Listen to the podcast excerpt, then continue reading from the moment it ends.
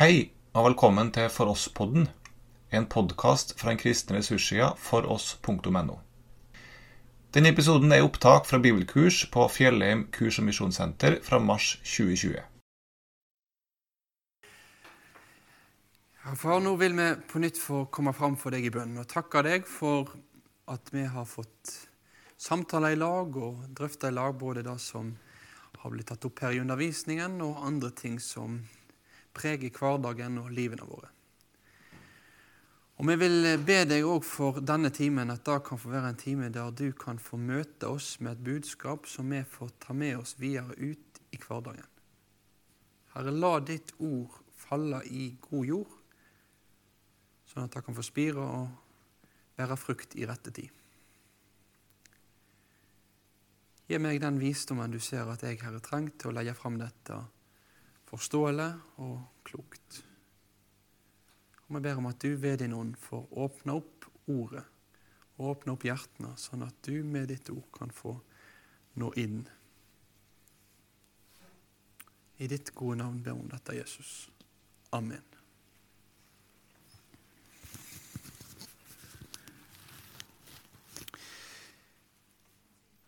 Nå skal vi fortsette med et nytt tema. Det merka i stad at det ble ganske dårlig tid på slutten.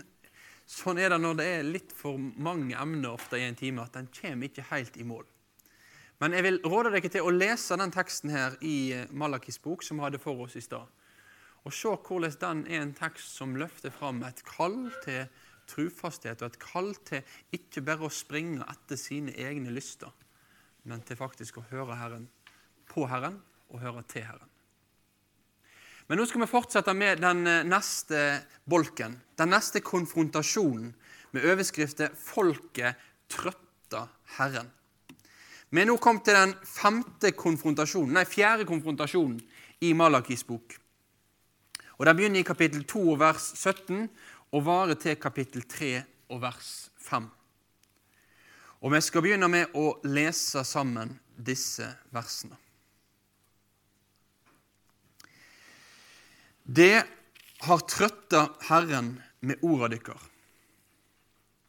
Det sier Hva er det vi har trøtta Han med? Med å si at alle som gjør vondt, er gode i Herrens auge. Ja, at Han har glede av deg. Eller hvar er rettens Gud? Sjå, jeg sender min bådbærer han skal rydde veg for meg. Brått kjem han til sitt tempel, Herren som det søker, og bådbæreren forpakta, han som det lengter etter. Sjå, han kjem, sier Herren over hærskarene. Men hvem kan tåle den dagen han kjem? Hvem kan stå seg når han syner seg? For han er lik elden til smelteren, lik luten til vaskerne. Han skal sitte og smelte og rense sølvet. Han skal rense levittene, lutre dem som gull og sølv, så de kan bære fram for Herren offer på rett vis. Da skal offera fra Juda og Jerusalem være til glede for Herren, som i gamle dager, i tidlige år. Jeg kjem til dykk og held dom. Jeg skunder meg å være vitne mot de som driver med trolldom, mot de som, driver, nei, de som bryter ekteskapet, mot de som sver falskt, mot de som holder lønna for dagarbeideren, mot de som undertrykker enker og farløse og avviser innflytteren, og som ikke frykter meg, sier Herren over hærskarene. Amen. Det har trøtta meg med ordene deres. Sånn begynner det. Det har trøtta meg med ordene deres. Jeg er lei. Det er nok, sier Herren. Og Folket lurer på hva er det vi har trøtta deg med. Hva er det vi har sagt som, som du reagerer på, Herren? Når mennesker opplever urettferdighet, når mennesket opplever da at jeg, jeg, jeg kjenner ting som er forferdelig vondt, som jeg ikke skulle opplevd, så kan det komme et rop og et skrik. Hvorfor er det sånn? Og ropet etter rettferdighet, ropet etter at Gud må gripe inn, det finner vi i Bibelen. Vi finner det f.eks. i Habakuks bok. Vi finner det mange andre plasser. Vi finner det i himmelen, i Johannes' åpenbaring òg, faktisk. Gud, nå må du gripe inn. Herren, han er den rettferdige Gud. Så for et folk som tror på den rettferdige Gud, ja, så er jo det òg den, den brannen og det løftet vi kan, kan stole på at Gud skal gripe inn. Og vi kan rope til Herren i vår nød, i møte med urettferdigheten. Herre, stopp dette her. Herre, sett et punktum for dette her.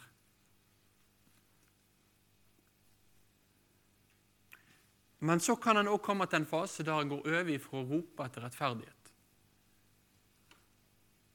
og heller går over egentlig i en eller annen form for resignasjon, frustrasjon og likegyldighet. En går over ifra å rope til Herren at du må gripe inn, til egentlig å si at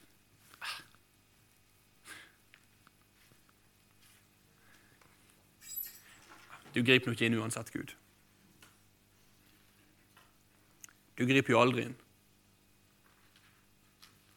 Du er jo bare en Gud som sitter der stille og rolig i himmelen og aldri hjelper oss når vi trenger din hjelp.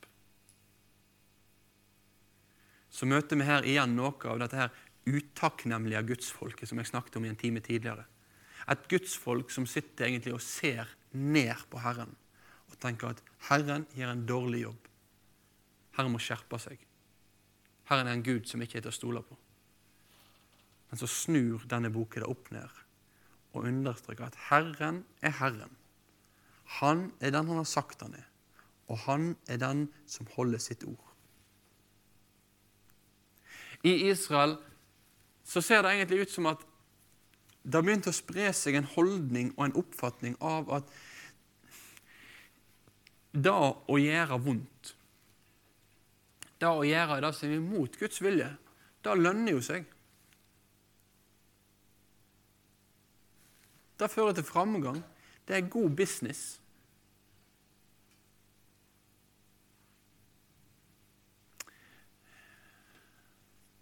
Og Så begynner de å spørre hvor er, hvor er denne rettens Gud. Han er ikke her. Han bryr seg ikke.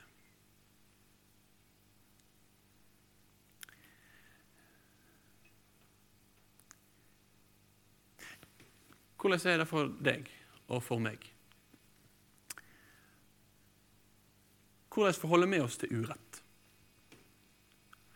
Hvordan forholder vi oss til det som faktisk smerter, og som er imot Herren og Hans vilje?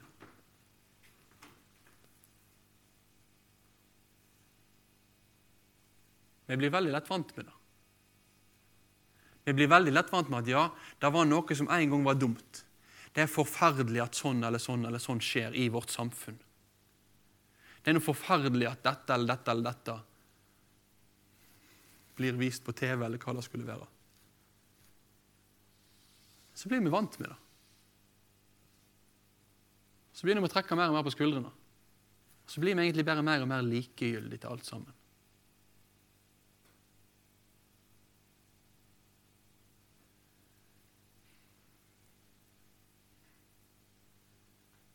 Når vi ser på nyhetssendingene Nå er det jo bare dette viruset.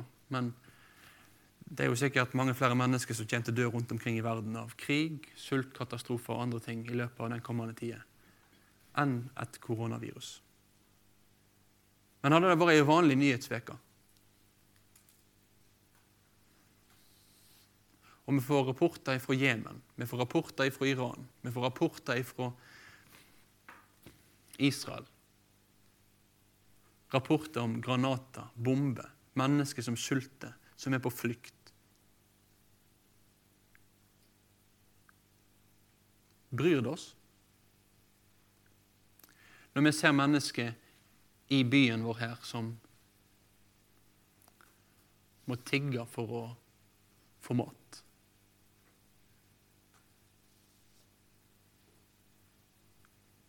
Som ikke har til livets opphold. Bryr det oss? Smerter det oss? Eller trekker vi på skuldrene og tenker ah.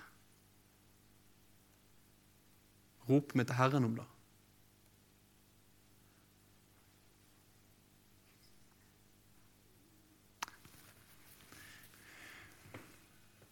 Guds folk er et folk som er kalt til å rope til Herren om det som legger oss på hjertet.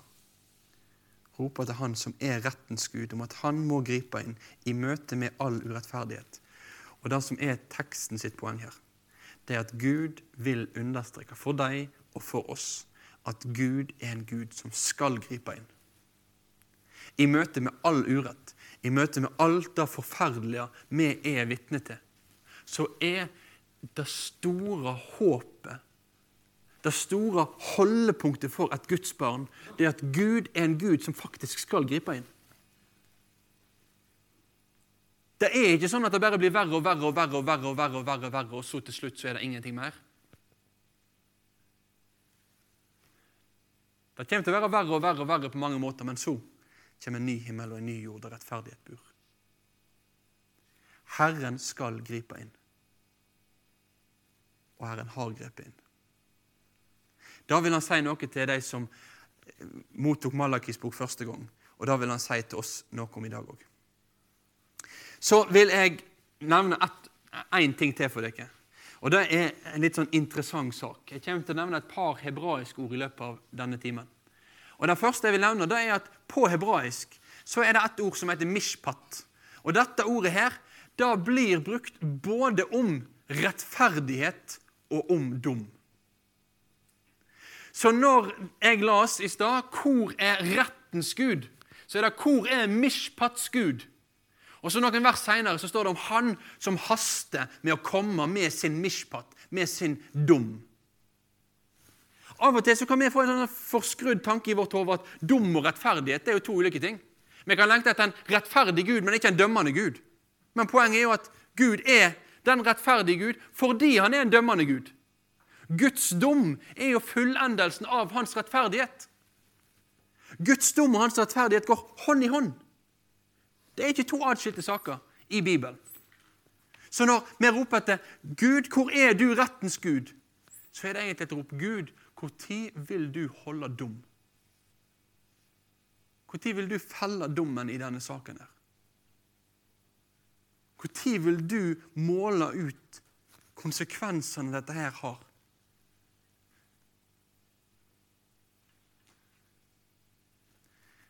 Hvor er Gud? Vil han holde dom? Ja, han vil holde dom. Og Da begynner vi med kapittel 3. Og Kapittel 3 og vers 1 der står det Sjå, jeg sender min bådbærer. Han skal rydde veien for meg. Eller rydde vei for meg. Så når israelsfolk egentlig har trukket seg tilbake og sagt at Gud han er en Gud som ikke viser seg, Gud han er en Gud som ikke er til å stole på, så kommer Gud med sitt løfte. Jeg kommer. Ta det med ro. Se, jeg sender min budbærer. Han skal rydde veien for meg. Snart skal det komme en budbærer. Snart skal det komme en som skal bane vei for Herrens ankomst, for at den rettferdige, han som kommer med dommen, endelig skal komme. Dette var løftet som var gitt i Malakis bok. Og Når vi kommer tilbake til kapittel 4 senere i uka, skal vi se at lignende språk blir brukt om en person som skal komme. Da blir han omtalt som Elia, og i Nytestamentet blir disse to fletta sammen. Men en ny budbærer. Ja, Jeg skriver her at det er en ny Malaki som skal komme. For på hebraisk så betyr jo egentlig Malaki min budbærer. Så vi kan ofte snakke i Nytestamentet om at ja, det kommer en ny Elias. Men det kommer òg en ny Malaki. For Malaki, det er budbæreren. Ikke at hans budskap var så veldig knyttet opp mot Malakis bok på, på, alle mulige slags måter, men Herren skulle sende en budbærer. Det var en som skulle komme fra Herren og bære bud fra Herren til folket. Og Han skulle gjennom sitt virke for å være med og forberede Guds rettferdige inngripen. Han skulle være med og forberede at dommeren, Herren den rettferdige, skulle komme. Snart så var budbæreren der. Snart så skulle han være der. Og, Og når vi nå har kommet til den siste boka i vårt gamle testamente, så kan det være nyttig for oss å tenke på det at gjennom Det gamle testamentet har det blitt malt et bilde. Det har blitt malt et bilde av at Gud, han skal la en Messias, en frelser, en redningsmann komme. Og så har Gud da gitt ulike pensler til ulike profeter, til ulike konger. Og så er de i bok etter bok for begynt å male på dette bildet. Det begynner jo i første Mosebok kapittel 3, om kvinnens ett så skal knuse slangens hode. Så blir det malt videre til Abraham om hvordan han som alle jordens slekter skal velsignes i. Og Så ser vi at det er bare noen sånne små streker i starten, men så blir det flere og flere streker. Så kommer vi til Samuelsbøkene, og så får, David høre om denne kongen som skal komme. Så for David han blir inspirert til å skrive noen salmer og sånn på sitt vis egentlig med å, å begynne å male et bilde av denne nye David, denne nye kongen som skulle komme. Og så kommer profetene. Og så kommer Jesaja og skriver kapittel 7, kapittel 9, kapittel 11. Kapittel 42, kapittel 49, kapittel 50, kapittel 52, 53 osv. Så maler han og maler han og maler han. Og Så kommer Jeremia og begynner å male videre om at Sidki er konge, men det skal komme en ny konge. Han skal navnet. Så navnet er ganske likt. Ikke Herren min rettferdighet, men Herren vår rettferdighet. Og Så fortsetter han å male. Og så maler Esekiel om at det skal komme en ny gjeter. Og så maler de bok etter bok. Mika han maler om han som skulle komme fra Betlehem. Zakaria begynner å fortelle oss om han som skulle komme ridende på en eselfole. Og nå begynner de siste penselstrøkene å komme. Og da er det litt som at nå Nå begynner han å male litt i utsida av bildet. I utkanten. Her er bildet av Messias malt. Men nå blir det malt et lite bilde av en skikkelse som står her framfor. En som skal komme før Messias. En budbærer det siste tegnet på Messias sin snare ankomst. Det er fascinerende hvordan Guds ord blir bundet sammen av disse profetiene. Og hvordan Nytestamentet så tydelig viser oss at alt dette blir fletta inn i historien om Jesus. Både i evangeliene og i Johannes' åpenbaring. Og disse tekstene om budbæreren de møter vi da igjen f.eks. i Matteusevangeliet kapittel 10. I Matteusevangeliet kapittel 10 og vers 11 så står det Da det gikk bort, tok Jesus til å tale til folk om Johannes. Hva gikk det ut i ødemarka for å se? Et sivstrå som svaier i vinden? Nei. Hva gikk det ut for å se? En mann med fine klær? De som går i fine klær, holder til i slottet hos kongene. Hva gikk det ut for å se? En profet? Ja, jeg sier dykk, mer enn en profet. Det er om han dette er skrevet. Sjå, jeg sender min bådbærer føre deg. Han skal rydde veien for deg. Jeg sender min budbærer før deg. Han skal rydde veien for deg. Det er jo akkurat det som sto hos profeten Malaki. Nå sier Jesus dette går i oppfyllelse. Han som dere reiste ut for å høre, det er budbæreren. Nå er han her. Nå er oppfyllelsens tid. Hvor er rettens Gud? Gud skal du snart gripe inn. For israelsfolket runger det ute ved slettene når Jesus sier dette her. Nå er tida. Nå er tida. Nå er budbæreren her, og når budbæreren er her, ja, så vet vi òg at da er han som han skulle bære bud om, der. For det neste verset forteller oss brått kjem han til sitt tempel. Herren som det søker, og bådbæreren for pakta, han som det lengter etter. Sjå, han kjem, sier Herren over herskarene. Denne budbæreren som det er snakk om her, budbæreren for pakta. Noen har meint at det er den samme som sto i vers 1, men de aller fleste mener at budbæreren for pakta det er han som kommer til sitt tempel, han som er Herren. Så her fortsetter nå Malakim å profetere. Herren, rettens Gud, skal gripe inn. Og hans inngripen skal òg handle om at han skal brått komme til sitt tempel.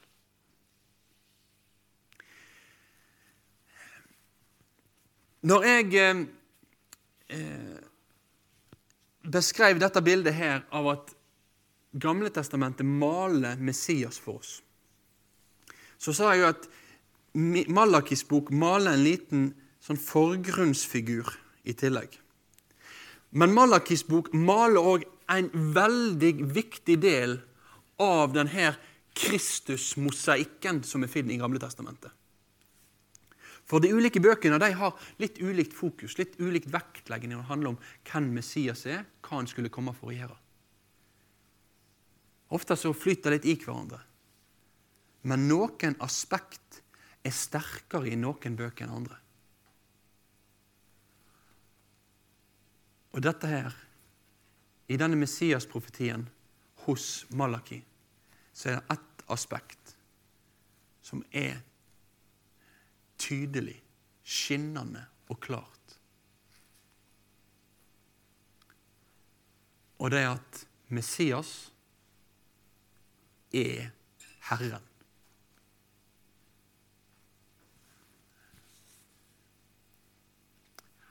Han er ikke bare Herrens konge. Han er ikke bare en som Herren skulle sende. Han er ikke en ny konge sånn som David var konge. Han er Herren. For oss som lever i dag, og som har blitt oppflaska med at Jesus er sann Gud, sant menneske, så ligger det helt selvsagt. Så klarer vi å få dette med oss. Det ligger i ryggmargen vår at vi på en eller annen måte tror at Jesus er Gud. Men for en jøde, tanken på at Gud skal faktisk komme ned til jord At han skal komme til sitt tempel konkret og fysisk og synlig Det var jo en sjokkerende tanke. Hvor er rettens Gud? Vi ser deg ikke, Gud. Og så kommer nå Gud og sier, 'Jeg skal vise meg'.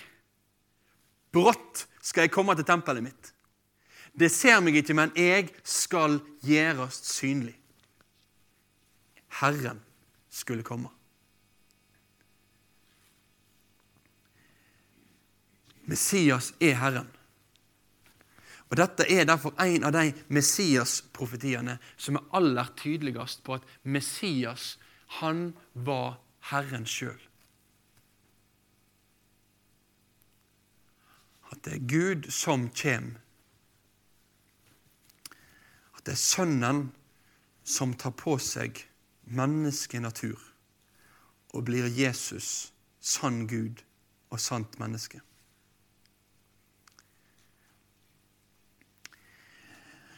Så er det én interessant detalj. Og nå må det unnskylde meg. Jeg ble så engasjert når jeg så dette her. Så Gudleik, nå, nå beveger jeg meg inn i teologlandskapet. Du får ta og stenge ørene noen minutter. Men kanskje du kan ha utbytte av det òg, til og med. Ja.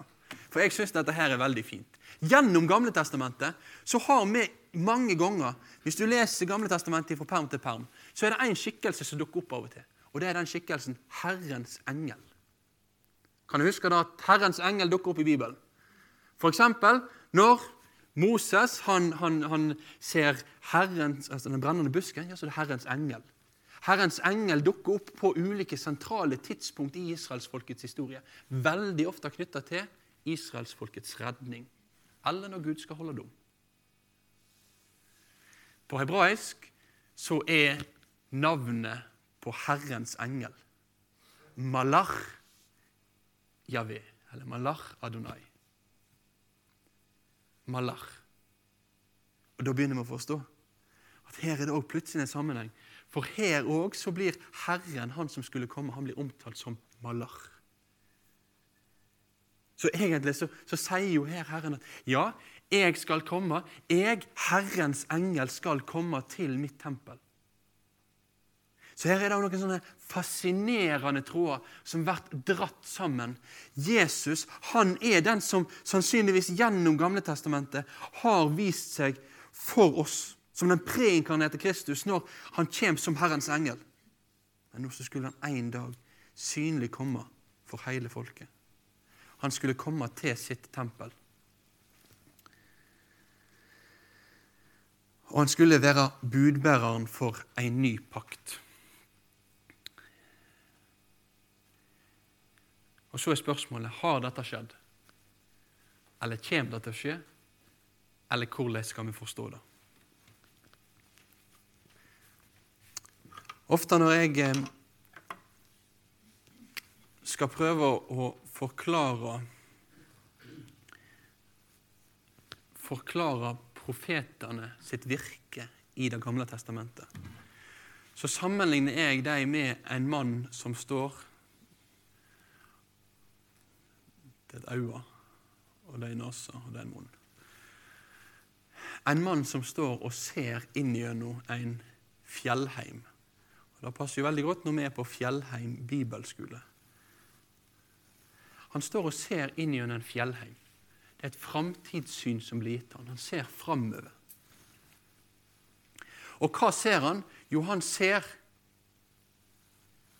fjell, fjell, fjell, fjell. Og det som han gjør, det er at han beskriver for oss i profetbøkene sine det han ser. Men så går historiens vandring videre. Så fortsetter menneskeslekta å gå framover gjennom historien. Gjennom den tida som profeten har sett. Og det som da skjer Det kan sikkert skje hvis en går på en fjelltur. Jeg eh, kommer fra en plass der det høyeste punktet er 60 meter. Så da skjer det ikke. Men hvis du går på fjell her, så skjer det jo. Det at Når du går opp gjennom, så tror du at du nærmer deg kanskje toppen. Men så kommer du opp på én topp, og så ser du at da var en stor dal før neste topp. Og Så kan du kanskje jobbe deg videre neste topp igjen, og da ser du at der er det en ny dal, og så en neste topp. Sånn er det òg med profetiene i Gamle testamentet. Her er det flere topper historietopper som blir fletta sammen for vårt syn. Så når Malaki ser framover, og vi stiller spørsmålet handler dette om Jesu første komme eller hans gjenkomst, så er svaret ofte ganske vanskelig å gi.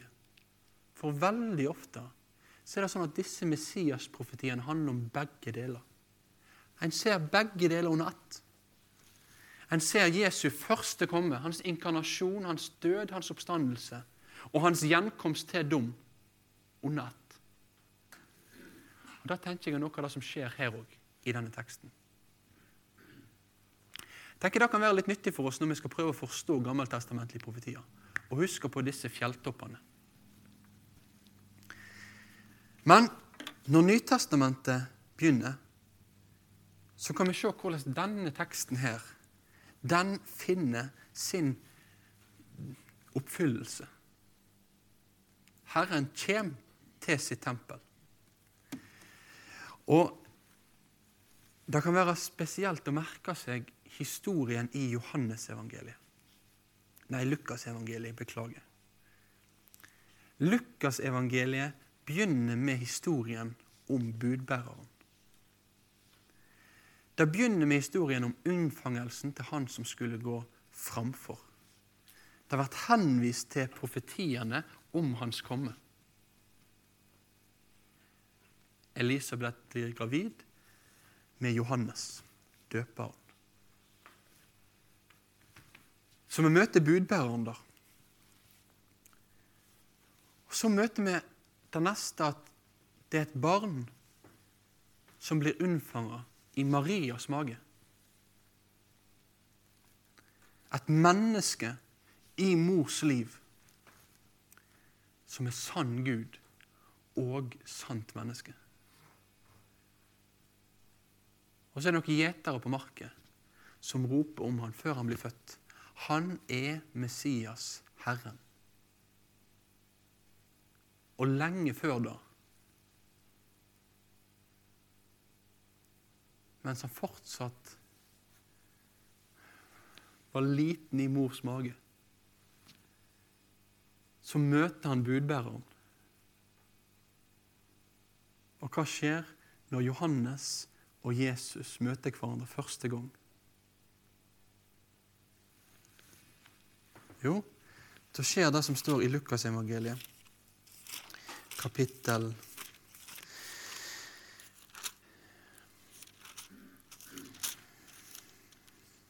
Kapittel 1 og ifra vers 39 og utover.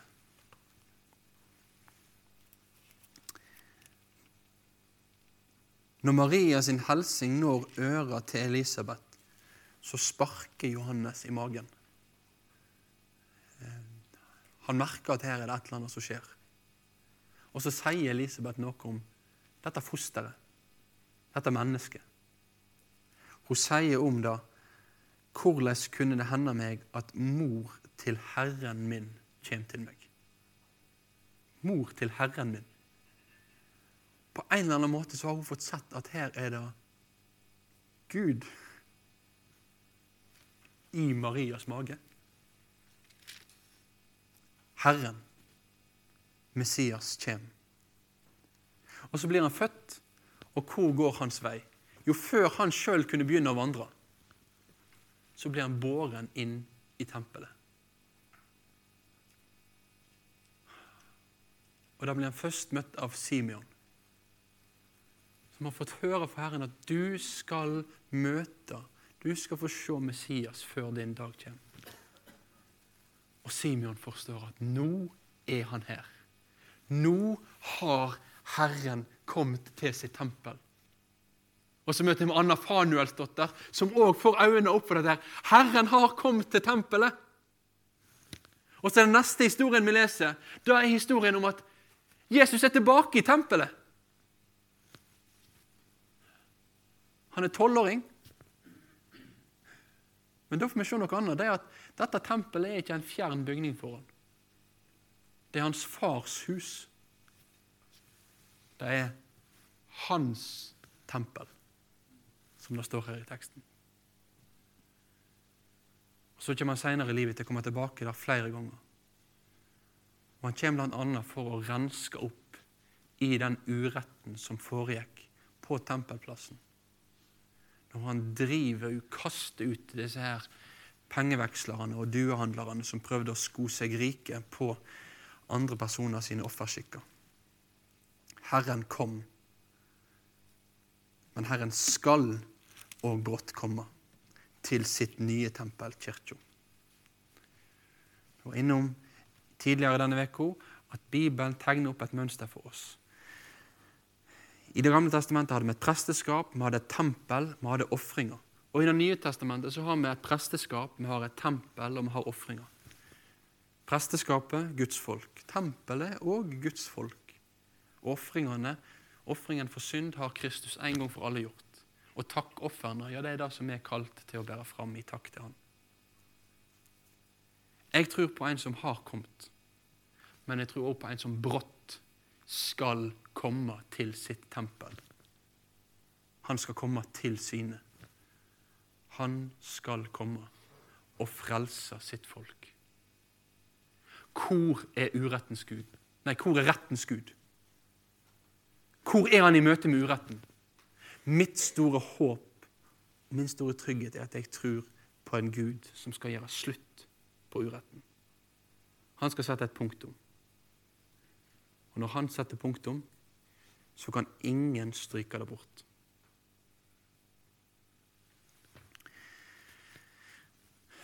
Og så blir hans gjerning beskrevet for oss. Hvem kan tåle den dagen han kommer? Hvem kan stå seg når han syner seg? For han er lik elden til smelteren, lik luten til vaskerne. Han skal sitte og smelte og rense sølvet. Han skal rense levittene, lutre dem som gull og sølv, så de kan bære fram for Herren offer på rett vis. Da skal offera fra Juda og Jerusalem være til glede for Herren, som i gamle dager, i tidlige år.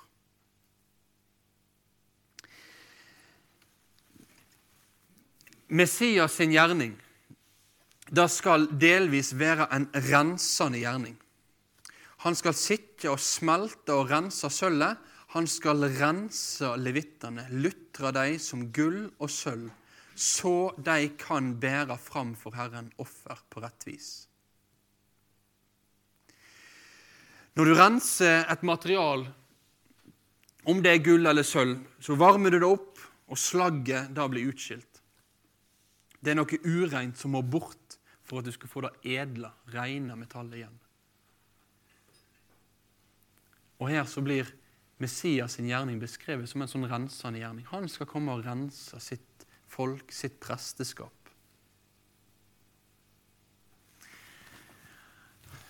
Han skal rense sine prester, sånn at prestene blir satt i stand til å kunne gjøre gudstjeneste for Herren igjen, som er til glede for ham. Sånn at den tjenesten de har, kan få være tjenester som er velbehagelig for Gud. Og Så kommer vi til Nytestamentet. Så leser vi om Jesus, Messias, redningsmannen, renseren. Vi kan lese om Jesu blod som renser for all skyld. Vi kan lese om at det var ikke med sølv eller gull vi ble kjøpt fri fra den onde ferda vi har arva for fedrene, men ved Kristi dyre blod. Og så beskriver Nytestamentet for oss at en viktig del av Messias sin gjerning det var at Messias kom for å ta på seg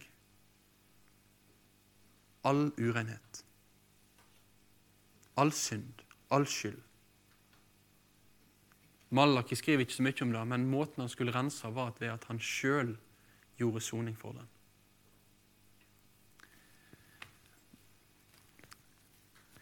Kristi prester er renset av Kristus i den nye pakt. Så den som tilhører Herren,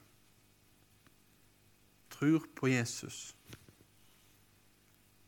den er en Kristi prest som er blitt renset av Han. Ren og rettferdig, himmelen verdig, er jeg i verdens frelser alt nu. Ordet forkynner at mine synder kommer han aldri mer i hu.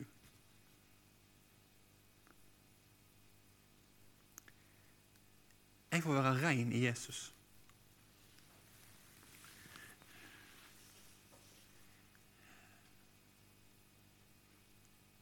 Tenk at Jesus kom for å rense meg. At Jesus kom for å bære all min skyld, all min synd. At han har gjort det. Men tenk òg at han gjorde det for å innsette meg til tjeneste for seg. For i Malakis bok så ser poenget med at levittene skulle bli rensa, ut til at når de blir rensa, så blir det gjennom denne renselsen òg klargjort til den tjenesten som Herren ville kalle det inn i. De blir rensa, de blir klar for at Herren kan bruke dem som et kar i sitt rikes arbeid. Og så er det også sånn at, at frelse og tjeneste henger sammen, bl.a. i 1. Peters brev i Nytestamentet. Kristus gir meg grein, ikke for at jeg skal få leve for meg sjøl, men for at jeg skal få leve i tjeneste for Han. Jeg skal få leve i tjeneste for Han som Hans prest på denne jord, som skal få bære fram offer til Han.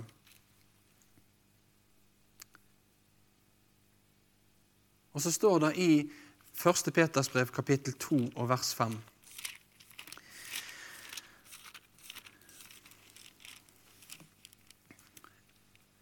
Vær det òg levende steiner. Bli oppbygde til et åndelig hus, til et heilagt presteskap, og ber fram åndelige offer, som Gud tek imot med glede ved Jesus Kristus.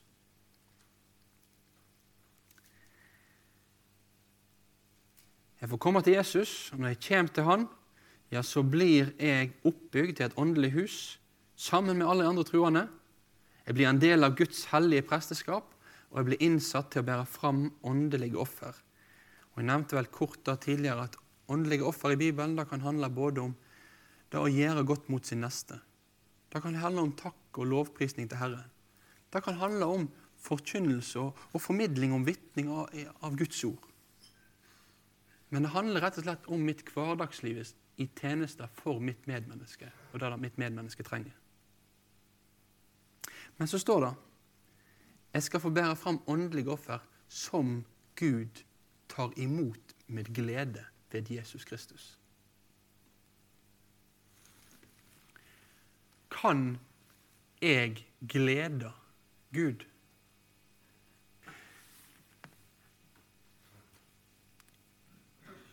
Ikke i meg sjøl, kanskje.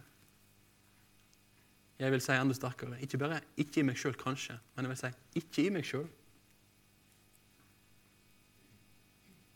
Men når Kristus renser meg, når jeg er ren for all synd,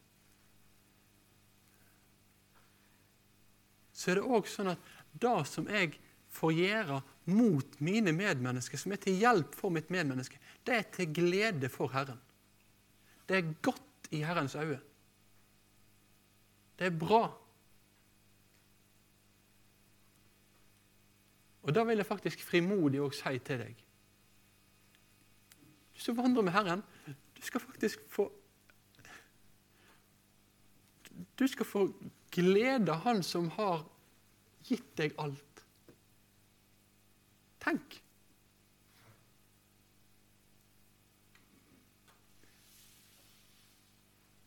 Av og til så kan, kan, jeg tenke på at jeg har lyst til å glede Camilla, kona mi. For jeg, jeg, er glad i henne. Jeg bryr meg om henne. Jeg vil henne godt. Så ønsker jeg å gjøre noe som jeg vet at hun setter pris på, som hun er glad for og glad i. Og Vi har ikke vært gift så lenge, så jeg har ikke funnet ut hele lista, men jeg håper nå jeg har funnet ut litt. I alle fall. Og jeg tror jeg har funnet ut litt. Men av og til så lurer jeg på om vi tenker om Herren og forholdet til Herren på en helt annen måte. Herren beskriver jo forholdet mellom seg og sitt folk som forholdet mellom en brud og en brudgom. Men så kan vi være redd for å snakke om det å glede Herren, for vi tenker at da med en gang så er det en type gjerningsrettferdighet vi havner i. Og da kan en havne i hvis en tenker at det er det å glede Herren som er min basis, mitt fundament og mitt standpunkt innenfor Herren både på dommens dag og her og nå. Men Bibelen snakker rett og godt om at han som jeg har min glede i, han skal jeg òg få lov til å glede.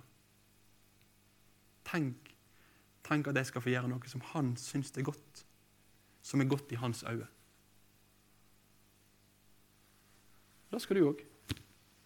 Nå i kveld og i morgen og i veka som ligger framfor.